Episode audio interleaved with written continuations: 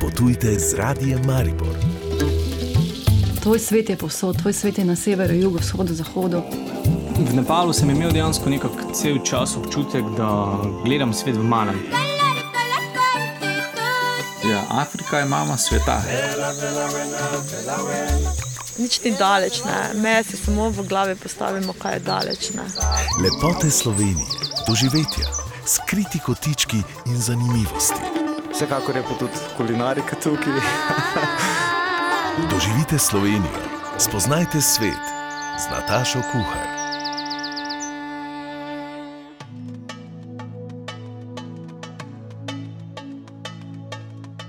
Pozdravljeni in dobrodošli v naši družbi. V tokratni oddaji se bomo ustavili pri prvem Mariborskem turističnem forumu v organizaciji tukajšnjega Zavoda za turizem.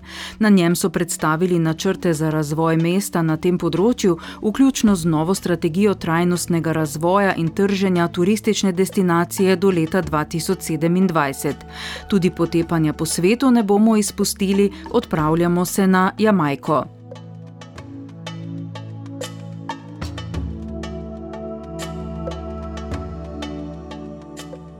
Najprej pa, kot smo napovedali na prvi Mariborski turistični forum. Turistična vizija Štajerske prestolnice je, da Maribor postane svetovno prepoznavna destinacija najstarejše vinske trte, ki v prepletu mestnega utripa in zelene narave razvaja z gastronomskimi, aktivnimi in trajnostnimi doživetji in je središče vrhunskih kulturnih, športnih in poslovnih dogodkov širše regije. Direktor Zavoda za turizem Jure Struc izpostavlja, da gre Maribor po poti nove turistične uspešnice. To je v bistvu ambicija, ki smo si jo zadali skupaj z mestno občino Maribor, z regionalno razvojno agencijo in seveda z vsemi deležniki, ki delujejo v turizmu. Strategijo smo oblikovali v lanskem letu in plot vseh razgovorov o naših ambicijah je bil ravno to, da hočemo več in da hočemo više. Ključno vprašanje ali pa rekla pomembno vprašanje je, kdo naj tvori, kdo naj ustvarja turizem v Mariboru. Če bi me vprašali pred 30 leti, bi rekel, turizem smo ljudje, torej vsak izmed nas. In tudi danes smo o tem govorili, da smo mi v bistvu ena velika turistična družina. Drug na drugega vplivamo, drug drugega poslušamo, drug drugega merimo in tudi kritiziramo. Če je potreba negativno, smo pa veseli tudi pozitivnih kritik.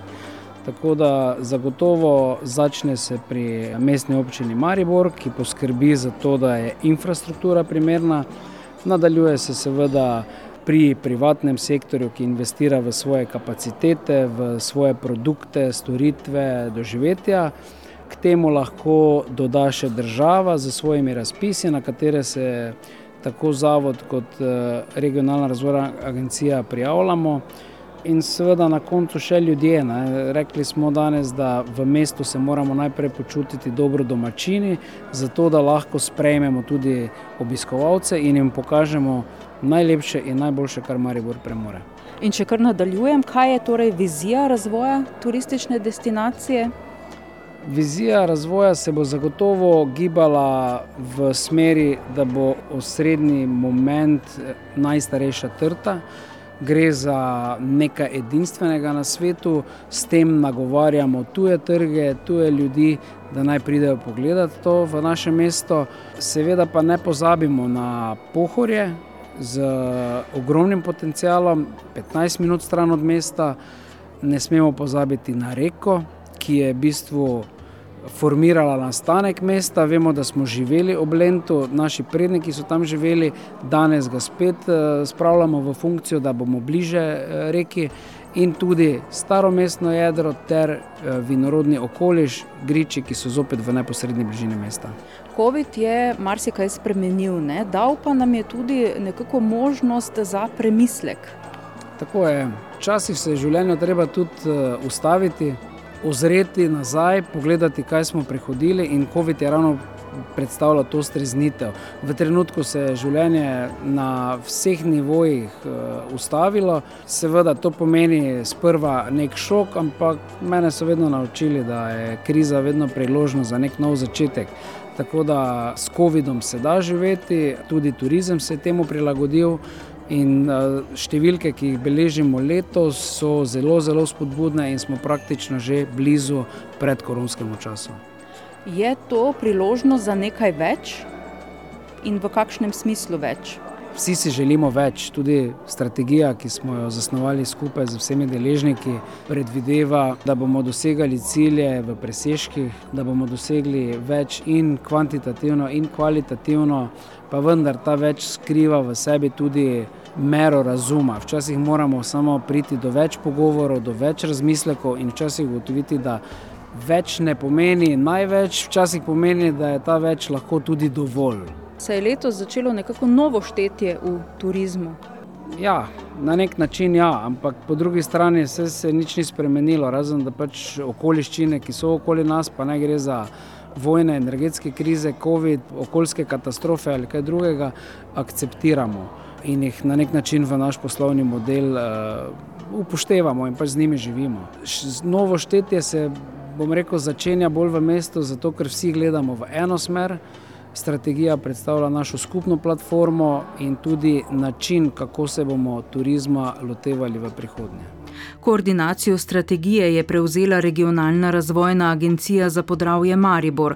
Po besedah njenega direktorja Uroša Rozmana je v turističnem preboju nujno povezovanje. Jaz mislim, da Maribor, eh, seveda kot mesto, mora graditi zgodbo na ponudbi mesta. Ne glede na to, pa v naši inštituciji menimo, da je potrebno povezovanje in eh, predvsem z gradnjo dodatne eh, povezovalne ponudbe v blagovnih znamkah, kot so Drava, Pohorje in Štajerska, vidimo, da bi lahko tudi ta ponudba in pa predvsem turisti, ki prihajajo v mesto, dobili več in da tudi iz drugih območij, kjer prihajajo recimo ali na, ali na dopust na Pohorje ali na dopust na Štajersko, bi lahko mogoče tudi se veliko bolj prihajali tudi v mesto in s tem bi koristili tako, bom rekel, ponudnikom v mestu, s tem bi podaljševali samo obdobje bivanja, na drugi strani bi pa tudi vsi ostali ponudniki, vse ostale destinacije v okolici Maribora gradile tudi na povečanju svojih obiskovalcev in na tak način tudi turistični ponudbi. Strategija razvoja turizma je pripravljena, veliko se je naredilo že zdaj v zadnjih letih, kljub koroni. Kaj zdaj naprej? Ja, mi smo bili nekako koordinator priprave te eh, strategije, kar mi je izjemno čast. Seveda eh, smo pripravili strategijo v času, ko je bila korona v največjem razcvetu, mogoče zato toliko malo, bomo rekel, eh, manjše številke v smislu ciljev, ki si jih je strategija postavila, vendar vidimo, da je sedaj se turizem izredno hitro nekako pobira. In koliko ne bo neke večje krize, lahko pričakujemo, da bo Maribor zelo hitro tudi mogoče prerastel svoje cilje iz leta 2027 in s tem bo seveda potrebno tudi samo strategijo in pa cilje mogoče postaviti na novo v skladu z trendi, ki pač so v svetu in pa v Sloveniji. No, forum je nakazal tudi, da se je treba povezovati. Ne? Absolutno. Uh, menim, da turizem brez povezovanja ne more uspeti. Že v samem mestu brez povezovanja ne bomo imeli večjega priboja, kar se pa tiče povezovanja Pohorja, Štajerske ali Drave. Tukaj pa delamo že velike premike. Verjamem, da tudi na področju povezovanja Štajerske, kjer je bilo mogoče v preteklosti najmanj povezovanja, da bomo tukaj lahko dosegli tudi največ sprememb, največ pozitivnih sprememb in te spremembe bo seveda vidne predvsem v naslednjih petih letih. No, vi ste še posebej poudarek, še poseben preboj naredili pri kolesarjenju, pri ureditvi poti. Ne? Ja, dejstvo je, da turizma ni brez infrastrukture in na tem področju naša razvojna agencija dela veliko, tako na področju Dravske kolesarske poti, kjer se je v zadnjih petih, sedmih letih tako strani države, direkcije za infrastrukturo kot občin vložilo veliko sredstev. Več kot 10 milijonov evrov je bilo vloženih v zadnjih letih, več kot 60 km poti je bilo urejenih na novo in ravno v tem trenutku imamo v gradni za več kot 10 milijonov tudi odsekov kolesarske poti, kar štejem tako ta mariborski del, torej Dravske promenade Lenta, kot tudi izgradnjo kolesarske poti na Koroškem in v Podravju. Seveda pa smo velike korake naredili tudi na Pohorju. z povezovanjem Pohorja z povezanimi kolesarskimi povezavami na gozdnih cestah, s tem, ko smo povezali vse centre na Pohorju in tako označili 240 km kolesarskih povezav, resnično postavljamo to destinacijo v kolesarsko pomembnejša okolja, skupaj z povezovanjem bike parkov, z, z eno slednico, ki pa sledi v naslednjem letu in prihodnih letih, pa bomo seveda naredili tudi velik premik v samem gorskem kolesarjenju na eh, teh bike parkih. V nadaljevanju bomo slišali nekaj izsledkov raziskave o zadovoljstvu gostov v Mariboru, dodali pa bomo še primer uspešne turistične zgodbe. Lepote Slovenije, okusna doživetja, zanimivi ljudje. Potujte drugače, potujte z radijem Maribor.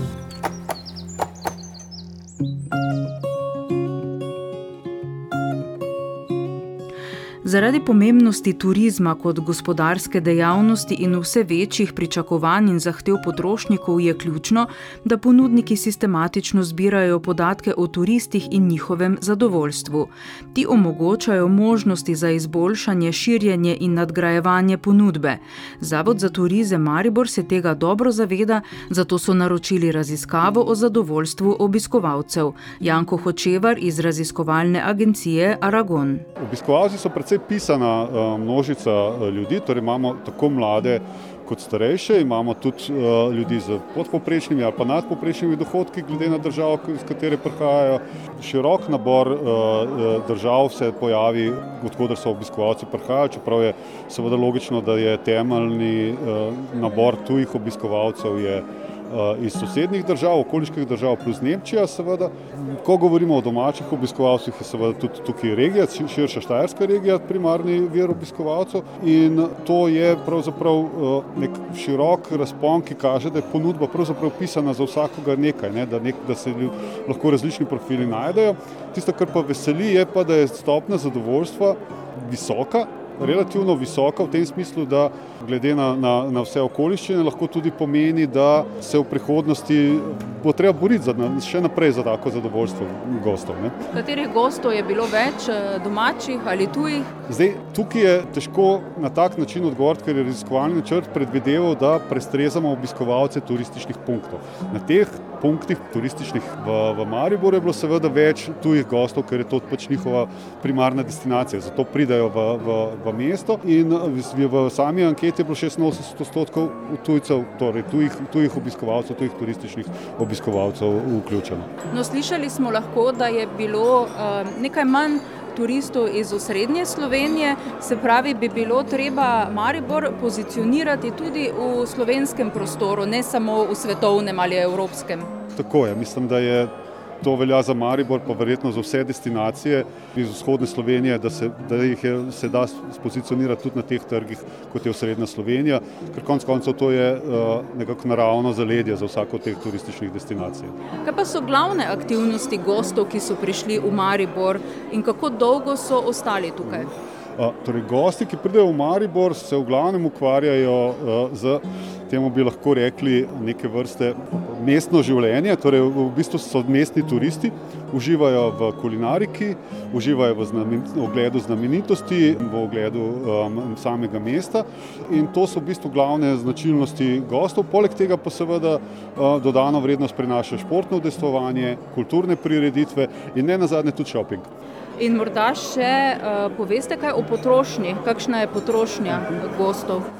Zdaj, potrošnja gostov je samo njihova, smo tukaj smo upoštevali njihovo samo oceno in uh, ni, ra, ni skromna, ni pa tudi seveda to potrošnja, ki bi prebijala neke, neke visoke uh, plafone. Hočem pa reči, da imamo v poprečju gost uh, v, v enem dnevu, v, če temu tako rečemo, investira v svojo v svoj obisk mesta približno 70 evrov. To je recimo nekaj, kar na prst je en benchmark. Seveda gosti, ki so dalj časa porabijo več. Je pa zanimivo, da so gosti, ki so samo en dan ali pa krajši čas na obisku, močkam bolj, če temu tako rečemo, radodarni v smislu, da se večkrat ukvarjajo s shoppingom in podobnimi stvarmi. Torej, na ta način pač povišajo svojo dnevno porabo. Povejte še, kako je s priporočili? Dosti krat uh, gre turist nekam na priporočilo prijatelja, znanca? Ja, se smo slišali tudi uh, kolega iz Graca zelo govori o priporočilu kot nekem, nečem najpomembnejšem in kar se Maribora tiče kot destinacije, so priporočila na visoki ravni. Res je, da ob tem treba povedati, da so tudi na zelo nizki ravni uh, graje oziroma ne priporočila, tako da je iz, izhodišni položaj za trženje destinacije z vidika priporočil zelo dober, kajti gosti odhajajo iz Maribora pripričani, da lahko to destinacijo priporočijo svojim prijateljem, znancem, pomembnim drugim. In to pa je tisto, kar v bistvu v trženju destinacije je najpomembnejše oziroma najbolj dragocena promocija, ki jo lahko imamo. Najbrž je tudi to del uspešne zgodbe graškega turizma pri sosedih Avstrijcih. Ta je v zadnjih letih in desetletjih pisal pravo zgodbo o uspehu. Mesto je uspešno izkoristilo zagon, ki ga je prinesel naziv Evropska kulturna prestolnica 2003. Direktor podjetja za turizem in promocijo Gradca Dieter Hart Stremajer.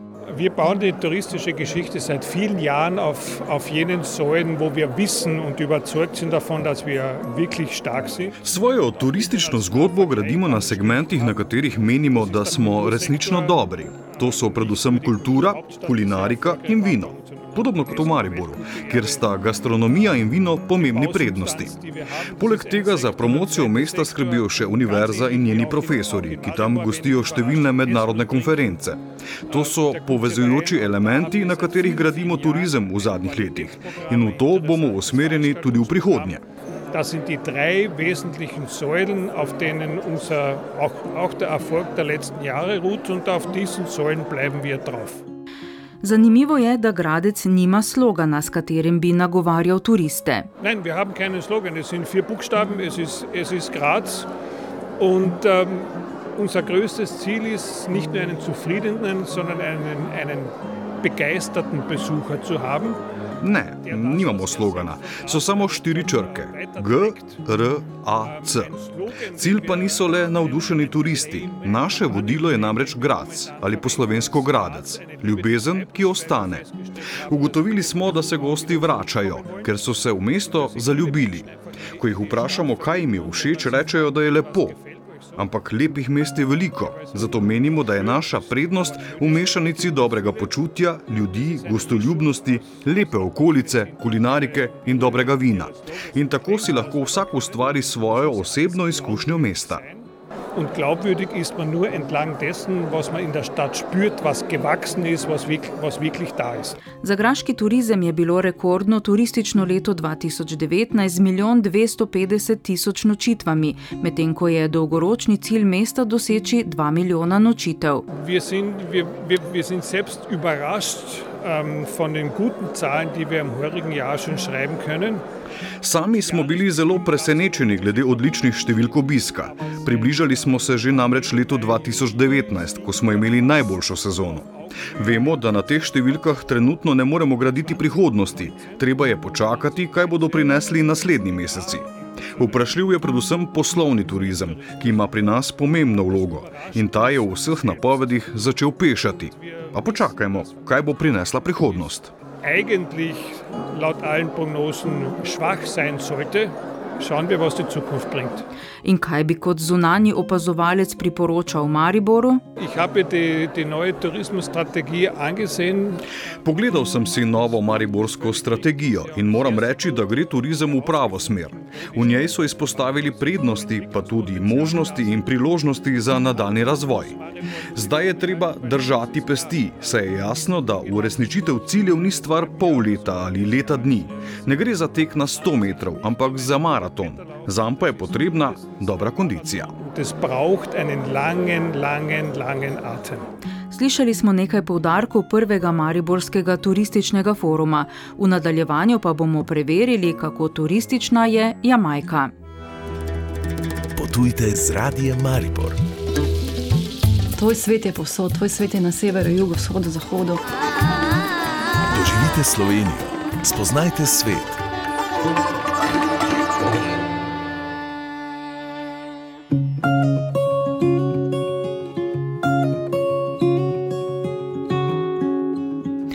Morda ste že slišali za ritme dancehall glasbe in ob njih tudi zaplesali, pa niste vedeli, kaj ta glasba predstavlja. Ples in glasba namreč prihajata z Jamajke. A dancehall je mnogo več kot le klubska glasba, je del jamajške kulture, izraz razmišljanja in način gibanja, ki se je iz jamajškega geta preselil na plesišča širom sveta, tudi v Slovenijo in Maribor. S plesalko in vaditeljico tega plesa Sandro Štefanec se bomo naslednje štiri sobote odpravili na Jamajko, tretji največji karibski otok. Domačini so potomci afriških sužnjev, zato se po svoji zgodovini in kulturi Jamajka precej razlikuje od drugih karibskih otokov. O tej deželi z zanimivimi ljudmi, burno in nesrečno zgodovino, čudovito naravo in rajskimi plažami bo več povedala naša sogovornica. Jamajka z eno besedo bi mogoče opisala, da je zelo energijsko polna, oziroma besedno zvezo, um, zelo uh, vibrant, mogoče v angliščini. Um, ljudje so polni življenja, barve, klima, veliko sonca zelo vroče, eh, živa hrana, pisana, sadje, zelenjava. Skratka, zelo energično. energično. Torej, vas je očarala, ne? Uh, zelo. Bi lahko rekli, da je ta otok res nadnaravno lep? Bi lahko rekla, obstaja razlika med mesto in pa podeželje, in pa ti torej plaža, obale, um, tolmuni ali pa mogoče za neurejeni predeli, kot je recimo downtown in veliko smeti in tako naprej. Ampak vsekakor je naravna lepota tam.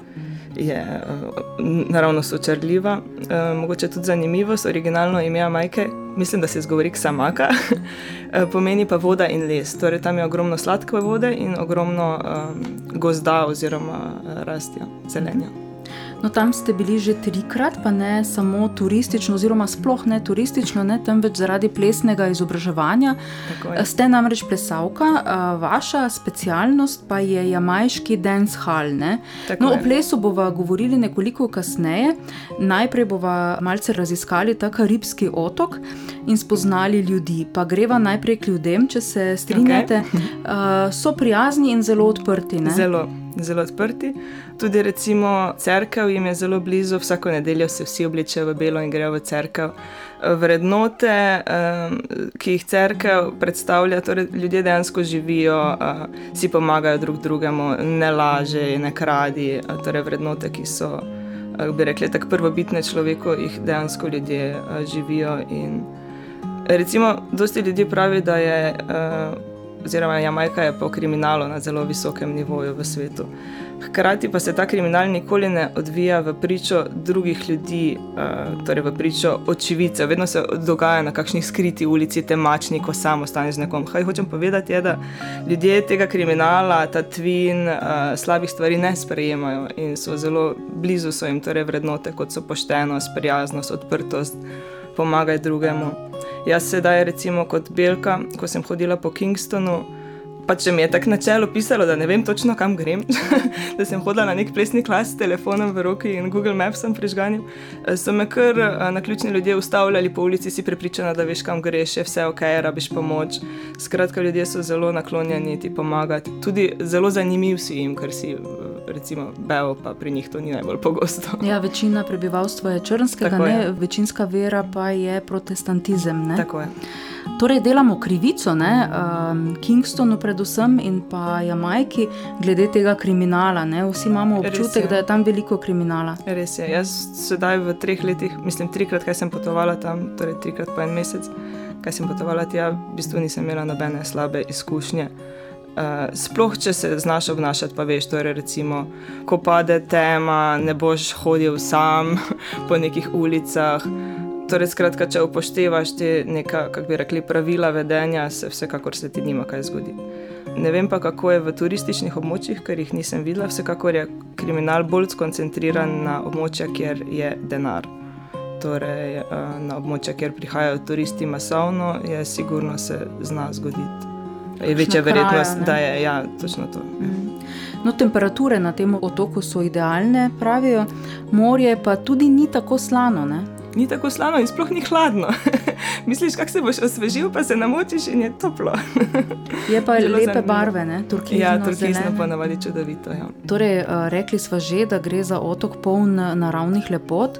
Predvsem so privlačni in čudoviti slapovi sredi tropskih gozdov. Ste imeli priliko jih videti?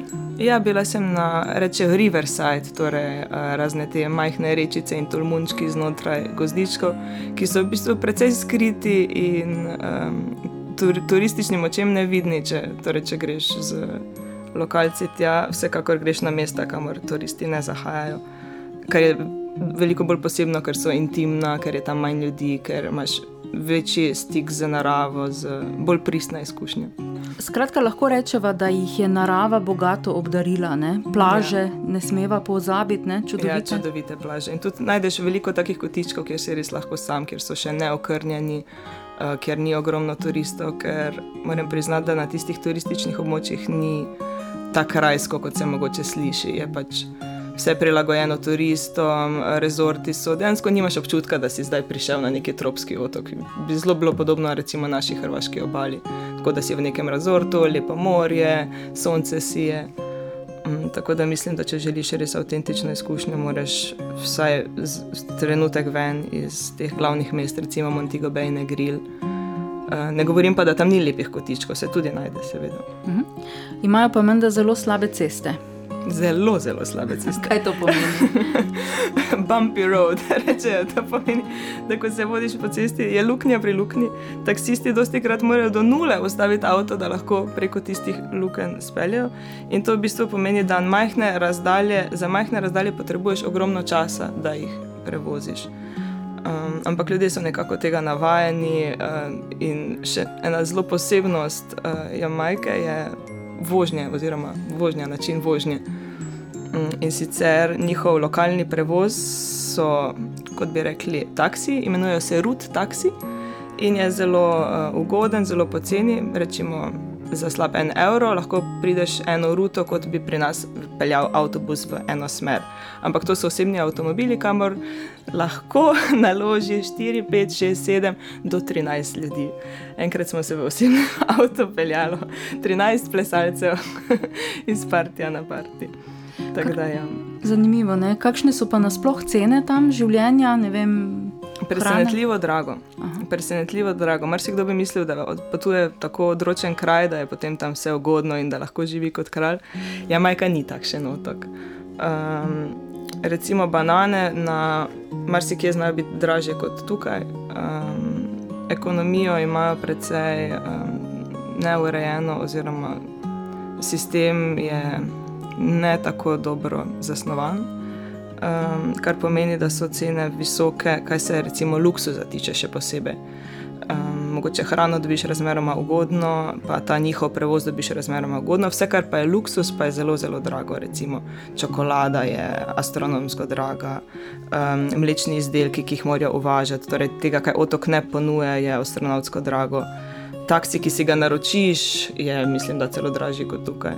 Um, tako da vse, kar je torej, bi mi rekli kot luksus, je zelo drago.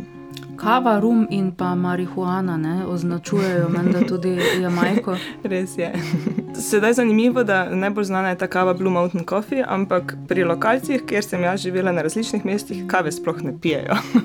Tako da mogoče je to bolj za, um, zanimivo in popularno za svet, za turiste, za izvoz, manj pa za lokalce.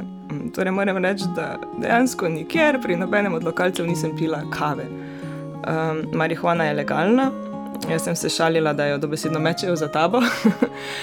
marihuana prodaja vsaka stara gospa, vsaka trafika, mogoče kar ljudje na cesti. Prav torej v trgovinici lahko kupiš, v uradni trafikici lahko kupiš uh, ali zavitek marihuane ali te paketke, ko imajo, je tudi zelo ugodno, zelo poceni.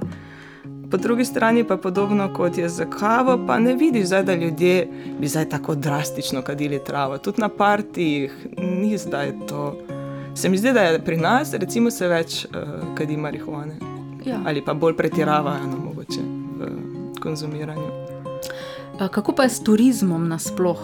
Mm, jaz mislim, da je precej je, turistov je iz Amerike, Anglije, večina iz Amerike, ker te tudi vse računice, dosti krat takšne na kakšnih tržnicah, pa to, ko kupuješ stvari v dolarjih, v US dolarjih uh, za račune, za razliko, torej njihov lokalni denar je majški dolar.